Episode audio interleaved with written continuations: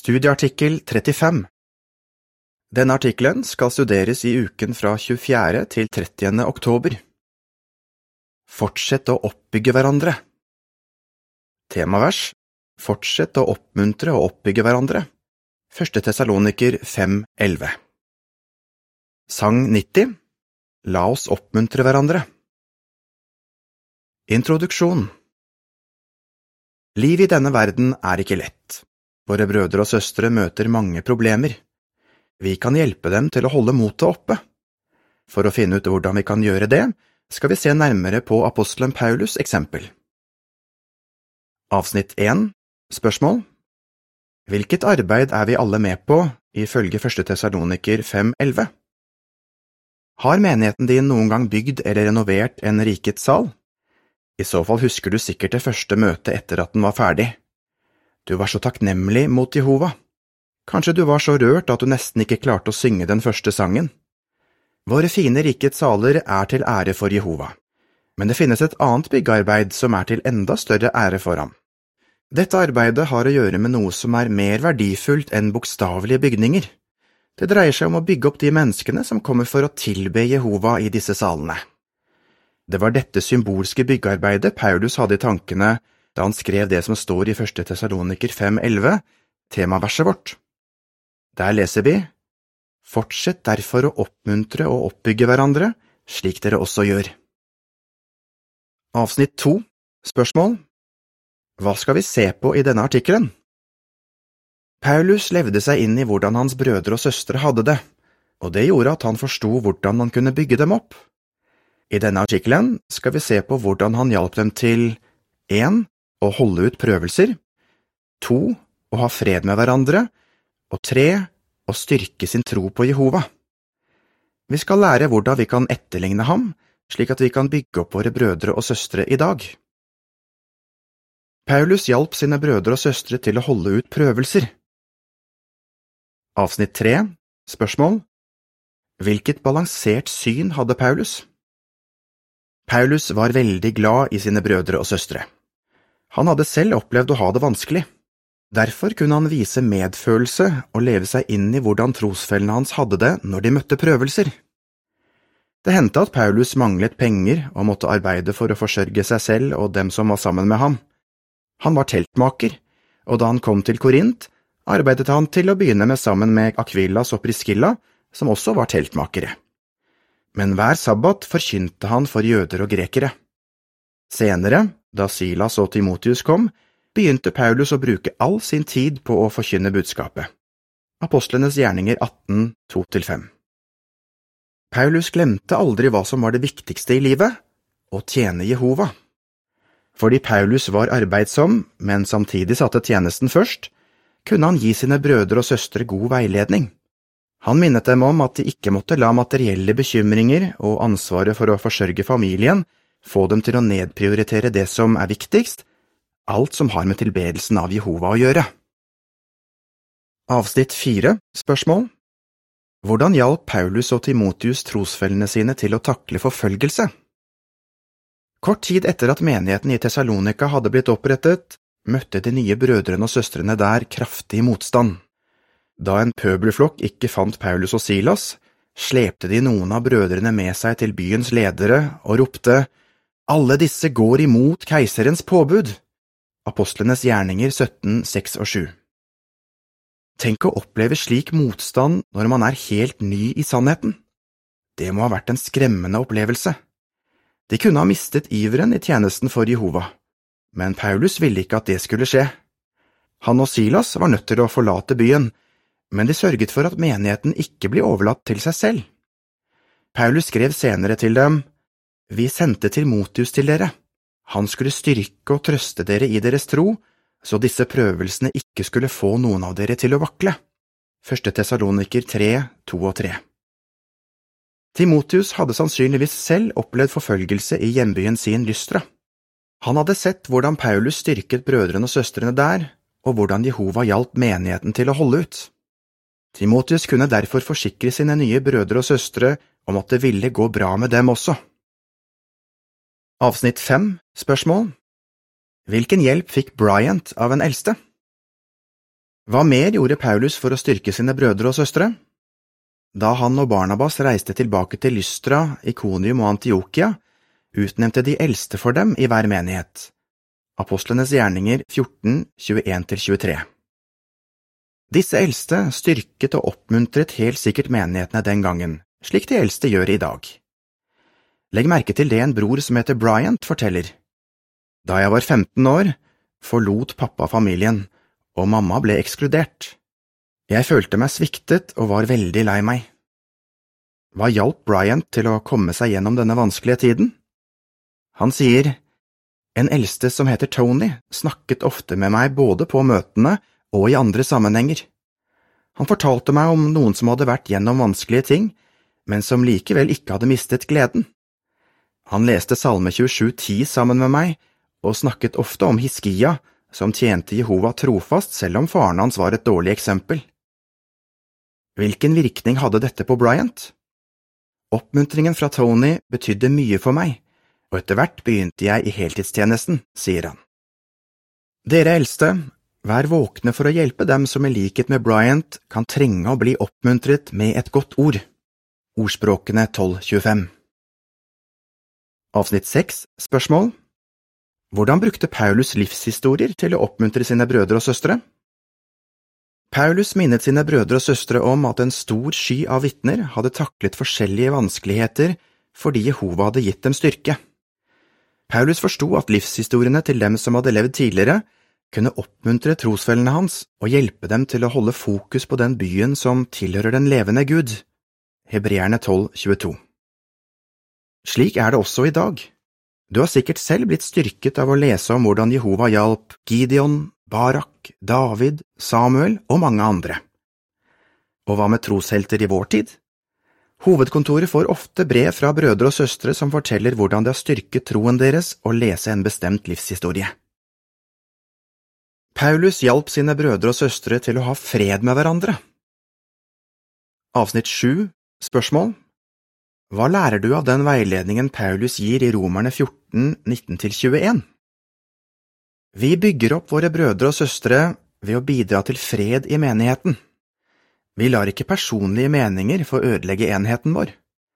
Så lenge det ikke er noe bibelsk prinsipp som blir brutt, prøver vi å være fleksible. La oss se på et eksempel. I menigheten i Roma var det folk med både jødisk og ikke-jødisk bakgrunn. Samtidig med at Moseloven ble opphevet, opphørte også forbudene mot å spise forskjellige typer mat. Fra da av følte noen jødekristne at de kunne spise all slags mat, men andre jødekristne syntes ikke at det var riktig. Dette skapte splittelse i menigheten. Paulus understreket hvor viktig det er å bevare freden ved å si det er best å la være å spise kjøtt eller drikke vin eller gjøre noe annet som får din bror til å snuble. I Romerne 14, 19–21 står det, La oss da jage etter det som skaper fred, og det som gjør at vi kan bygge hverandre opp. Slutt med å rive ned Guds verk bare på grunn av mat. Alt er riktignok rent, men hvis man spiser noe som får andre til å snuble, er det skadelig. Det er best å la være å spise kjøtt eller drikke vin eller gjøre noe annet som får din bror til å snuble. Paulus hjalp på den måten trosfellene sine til å forstå hvor skadelige slike konflikter var for dem som enkeltpersoner og for hele menigheten. Han var selv villig til å forandre måten han gjorde ting på for at andre ikke skulle ta anstøt. Vi kan følge hans eksempel.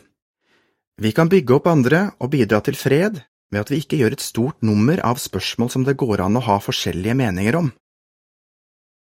Avsnitt åtte Spørsmål hva gjorde Paulus da et viktig spørsmål truet freden i menigheten? Vi kan lære mye av hvordan Paulus håndterte situasjonen da noen hadde sterke meninger om et viktig spørsmål. Noen i menigheten i det første århundret insisterte på at ikke-jøder som ble kristne, måtte omskjæres, kanskje for å slippe kritikk fra jødene.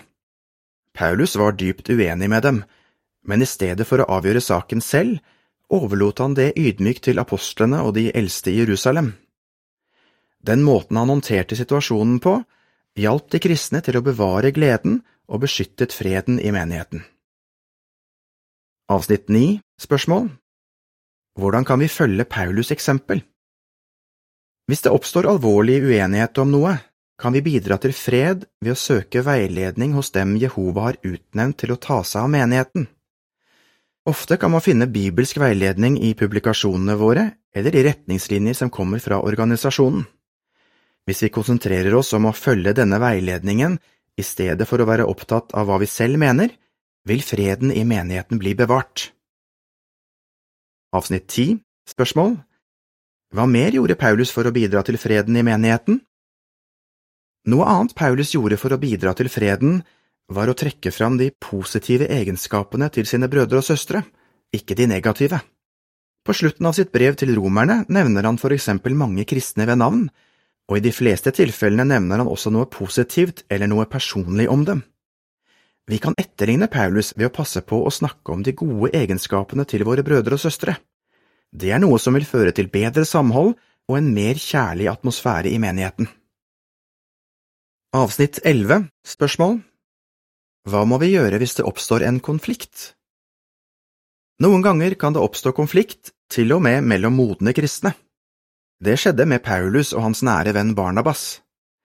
De var veldig uenige om Markus skulle få være med dem på den neste misjonsreisen. Det oppsto en så heftig diskusjon mellom dem at de skilte lag, men for Paulus, Barnabas og Markus var freden og enheten i menigheten viktig, så de gjorde noe for å bli venner igjen. Senere omtaler Paulus både Barnabas og Markus på en positiv måte.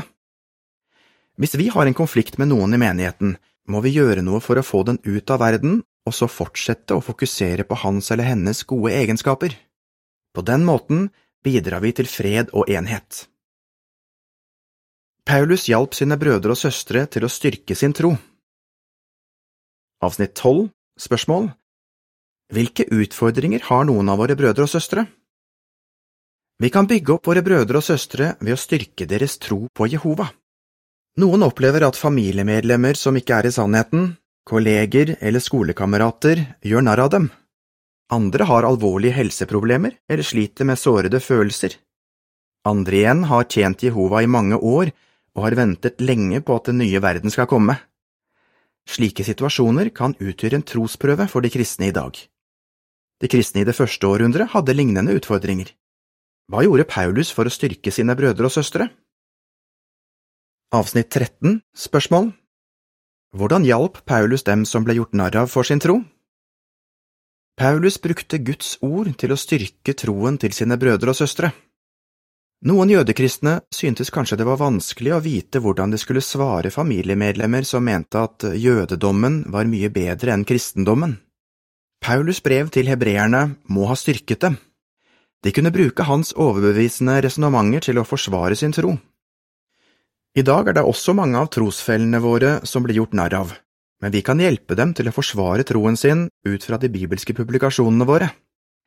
Hvis noen av våre barn og unge for eksempel får høre at de er dumme fordi de tror på en skaper, kan vi hjelpe dem til å finne gode argumenter for sin tro i brosjyrene Ble livet skapt?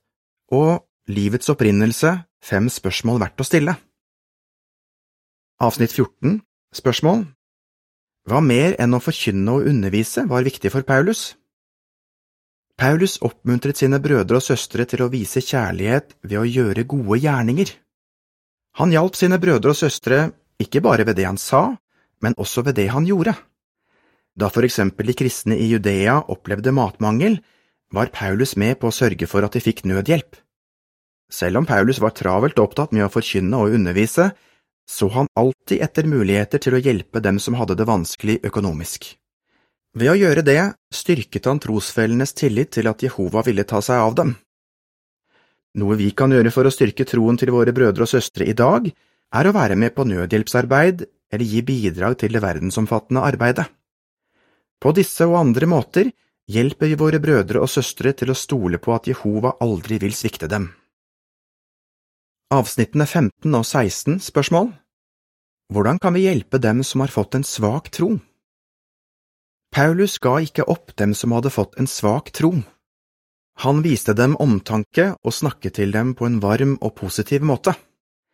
I sitt brev til hebreerne brukte han for eksempel ofte ordene vi og oss, og viste på den måten at han selv også måtte følge den veiledningen han ga.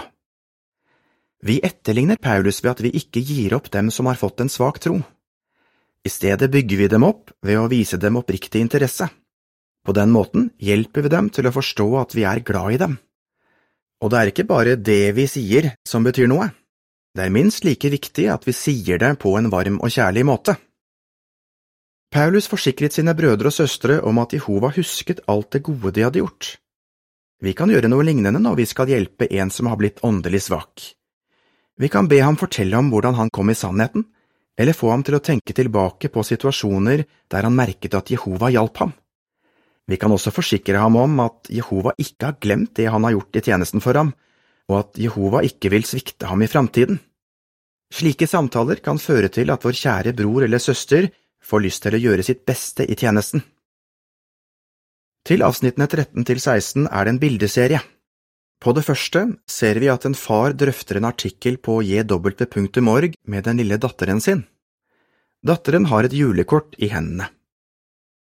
På det andre bildet ser vi et ektepar som har reist til en annen del av landet for å være med på nødhjelpsarbeid.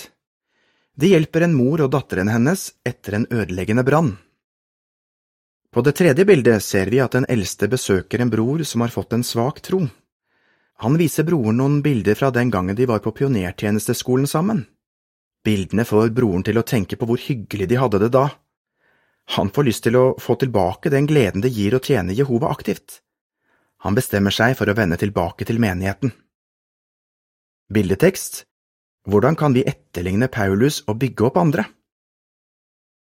Fortsett å oppmuntre hverandre. Avsnitt 17 Spørsmål Hvordan kan vi bli enda flinkere til å bygge hverandre opp? Akkurat som en byggearbeider blir dyktigere etter hvert som han får mer erfaring, kan vi også bli dyktigere til å bygge hverandre opp. Vi kan hjelpe andre til å holde ut prøvelser ved å snakke med dem om personer fra fortiden som gjennomgikk lignende ting. Vi kan bidra til fred ved å snakke positivt om andre. Vi kan gå inn for å bevare freden når den er truet, og vi kan gjenopprette freden når det har oppstått en konflikt. Og vi kan bygge opp troen til våre brødre og søstre ved å snakke med dem om gode bibelske argumenter, ved å gi dem praktisk hjelp, og ved å støtte dem som har blitt åndelig svake. Avsnitt 18 Spørsmål Hva vil vi fortsette å gjøre? De som er med på teokratiske byggeprosjekter, er glade og fornøyde. Man blir også glad og fornøyd av å være med på det åndelige byggearbeidet i menigheten. I motsetning til fysiske bygninger som med tiden forfaller, kan resultatene av det åndelige byggearbeidet vårt vare evig. La oss derfor fortsette å oppmuntre og oppbygge hverandre. 1. Tessaloniker 5.11 hvordan kan du hjelpe andre til å holde ut prøvelser? Bidra til fred? Styrke dem som har blitt åndelig svake? Sang 100 Vis gjestfrihet Artikkelen slutter her.